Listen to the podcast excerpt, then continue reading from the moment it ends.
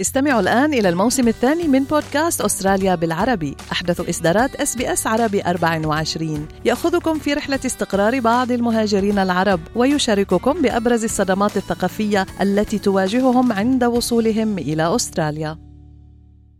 أنتم مع إس بي إس عربي 24 استمعوا إلى آخر إصداراتنا بودكاست الهوية.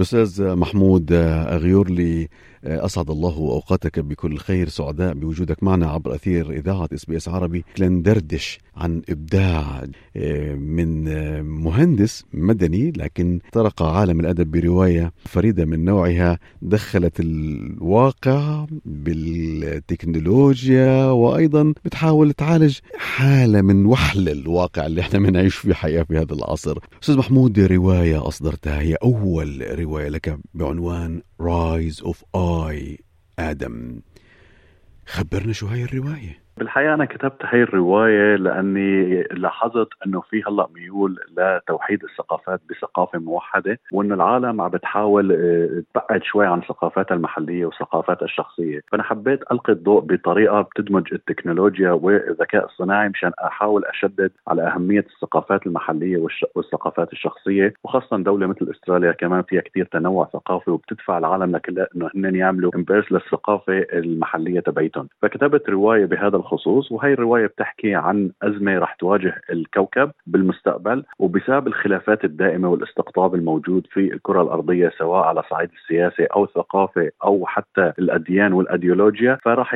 يقرر حكماء العالم عشان يواجهوا هالكارثة الكبيرة إنه هن يعهدوا بمآل الأمور للذكاء الصناعي والذكاء الصناعي بياخذ وبيدرس الأمور اللي عم بيقوم فيها البشر حاليا وخاصه بعد الألفية الثانية. وبيلاحظ الذكاء الصناعي إنه مثلا كل البشر بتحاول إنه تروح بموضوع العولمة مو بس بالمنتجات حتى بالأيديولوجيا والفكر. فكل الأشخاص من جميع أنحاء العالم مثلا بيتابعوا نفس المنتج السينمائي عندهم نفس الهوس بموضوع الغناء والفاشن والغذاء. فهو يتراءى له الذكاء الصناعي إنه البشر سعادتهم بإنه يتوحدوا كل هدول البشر في ثقافة واحدة. والرواية بتحكي عن الصراعات اللي بتصير بين الأشخاص وعن سواء على مفهوم السعادة أو مفهوم الإشباع الذاتي أو الانتماء أو الهدف وكيف بتختلف هي المصطلحات بثقافات متعددة أو بثقافة موحدة. هي بصورة عامة الرواية بدون حرق للأحداث. أستاذ محمود هاي الرواية المتخيلة احداثها بتدور في أي عام؟ الرواية هي بتحكي عن حدث رح يصير عام 2035 آه، موجة حر قاسية بدها تصيب الكرة الأرضية وبترفع درجات الحرارة بكل أنحاء المعمورة ل 70 درجة مئوية. وهذا الشيء بيؤدي لأنه ذوبان سريع في الأقطاب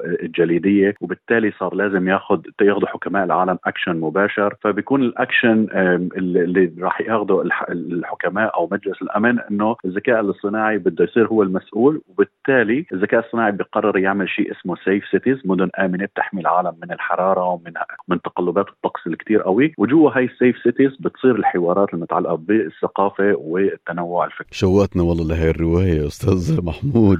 طيب أنت اخترت أن تكون هذه الرواية باللغة الإنجليزية. ليش؟ بصراحة لأني أنا جزء من الثقافة الموجودة هلأ هون بأستراليا وكثير استفدت من المنتجات الثقافية الموجودة هون باللغة الإنجليزية. وبتصور أول شيء لازم يقوم فيه أي شخص أنه يرد الجميل ويضيف للثقافة الموجودة سواء على صعيد الأدب أو الفن أو الموسيقى أو حتى المشاركات بالأنشطة. فحبيت أن أنا أستخدم اللغة الإنجليزية كرد جميل للثقافة الموجودة هون بالبلد وكتحدي جديد بالنسبة لي أستاذ محمود يعني هذه الرواية من القطاع المتوسط خبرنا يعني متى نشرتها؟ كيف بدأت الفكرة تلمع في ذهنك؟ الفكرة بدأت تلمع بذهني بعد ما حضرت مثل event صغير موجود بال Federation Square في ملبورن بيحكي عن تلاشي الثقافات المحلية وكان في دفع من ال City of ملبورن إنه لازم كل شخص يقدس الثقافة تبعيته. فنظرت أنا إلى المجتمع وشفت إنه فعلا كثير عالم بتحاول تهرب من ثقافته أو بتخاف منها أو بتخبيها فقلت لازم أكتب بهذا الخصوص. ومع ظهور الذكاء الصناعي وظهور ChatGPT على الساحة قلت أنا ممكن أعمل ربط بين الموضوعين سواء بموضوع التكنولوجيا أو بموضوع الثقافة وخاصة كان كان الأمين العام للأمم المتحدة عم بيحكي إنه نحن في احتمال ندخل بعصر الغليان. فدمجت هدول الثلاث مواضيع مع بعض أزمة مناخية تكنولوجيا موجودة وثقافة مندثره في موضوع روائي. عدد صفحات الرواية هي من القطع المتوسط عدد صفحاتها حوالي 270 صفحة. ونشرتها تقريبا من حدود ثلاث أسابيع آخر أسبوع بشهر نوفمبر. حضرتك يعني هاي أول رواية لك وأنت من خلفية هندسية حضرتك مهندس مدني كيف امتلكت نواصي اللغة وهذا الحس الإبداعي الأدبي ما بين الهندسة واللغة العربية وخصوصا في الفن الروائي. صراحة أنا شخص هوايتي الرئيسية هي القراءة وأنا من أيام الجامعة بقرأ وقدمت مراجعات للكتب بحدود 650 مراجعة موجودة كلها على الإنترنت. فأي شخص بيقرأ ويصير عنده كم كبير من القراءة بيغريه الألم إنه هو يجرب يكتب ويعمل تجربة أدبية بذاته. وكان عندي حب من الكتابة حتى من أيام لما كنت في المدرسة كنت بكتب رسائل الحب والغرام لأصدقائي وببيعهم إياها عشان يستخدموها في علاقاتهم العاطفية ال virtual بهذيك الأيام. فهو مجال مستحب لي وهوايتي المفضلة يعني القراءة. فبالتالي كان الكتابة هو الخطوة التالية المتوقعة لأي شخص بيقرأ كم كبير من الكتب. يا ريت كنت أعرفك من زمان كان استغلناك في كتابة بعض الرسائل. أستاذ محمود أكيد كثير من مستمعينا الآن صار عندهم فضول يعرفوا مين هو محمود أغيورلي. أه والله أنا شخص أه، تركت سوريا لما بديت الأزمة بسوريا وقررت إن أنا أطلع على دول مجلس التعاون. قطنت بدولة خليجية فترة قصيرة. بعدين اكتشفت إنه بدي أنتقل لبلد ثاني انتقلت لأستراليا تقريبا بال 2015 أنا وزوجتي. وهلأ كبرت عائلتنا صار في عنا ولدين واستقريت هون. الحمد لله يعني البلد فتح أبوابه واستقبلنا. نجحت بمجال العمل أه، نجحت بمجال الاجتماعي وحسيت حالي إنه هلأ صار لازم أقدم للمجتمع اللي أنا عايش فيه. وما لقيت أي طريقة أو ما كان عندي غير الأدوات المناسبة غير إن أنا أقدم عمل روائي أضيفه وإن شاء الله ينزل بالمكتبات العامة وعم ببذل جهد يوصل للقراء. Rise of A آدم هاي الرواية التخيلية من العام 2035 دخل فيها تحديات الواقع التكنولوجيا المناخي.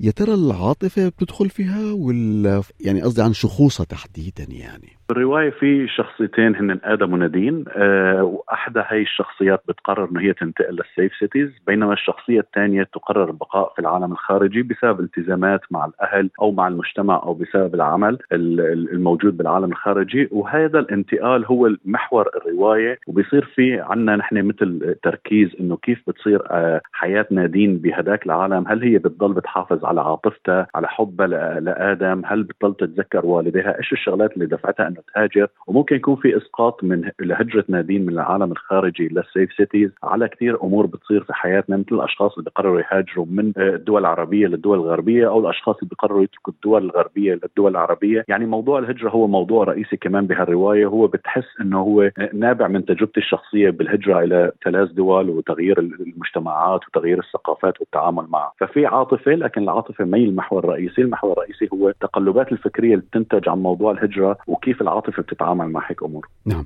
أستاذ محمود Rise of A آدم هاي الرواية الفريدة بتناولها. متى سيحظى قراء العرب بلغة تقترب من ثقافتهم التي يعتزون بها؟ بالحقيقة أنا هلأ عم بعمل على النسخة العربية وعلى وعلى الأغلب رح انتهي منها خلال آه، شهر أو شهرين. وعم بحاول أتواصل مع بعض دور النشر العربية مشان أنشر لأن النشر بالدول العربية شوي موضوع آه، مرهق أكثر من النشر بأستراليا. بس إن شاء الله على نهاية شهر يناير رح يكون كمان في إصدار عربي للرواية.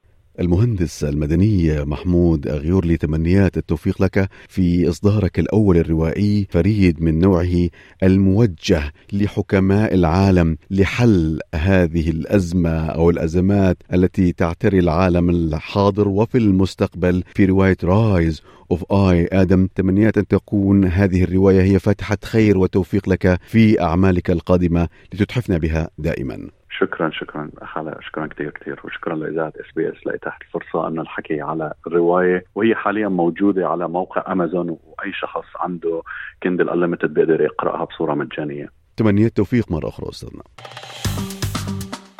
اضغطوا على اللايك أو على الشير أو اكتبوا تعليقا. تابعوا إس بي إس عربي 24 على الفيسبوك.